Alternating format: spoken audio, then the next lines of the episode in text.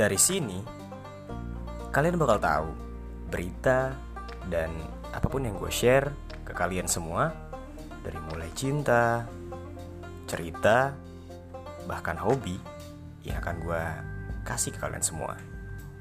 Cuma di Close Note.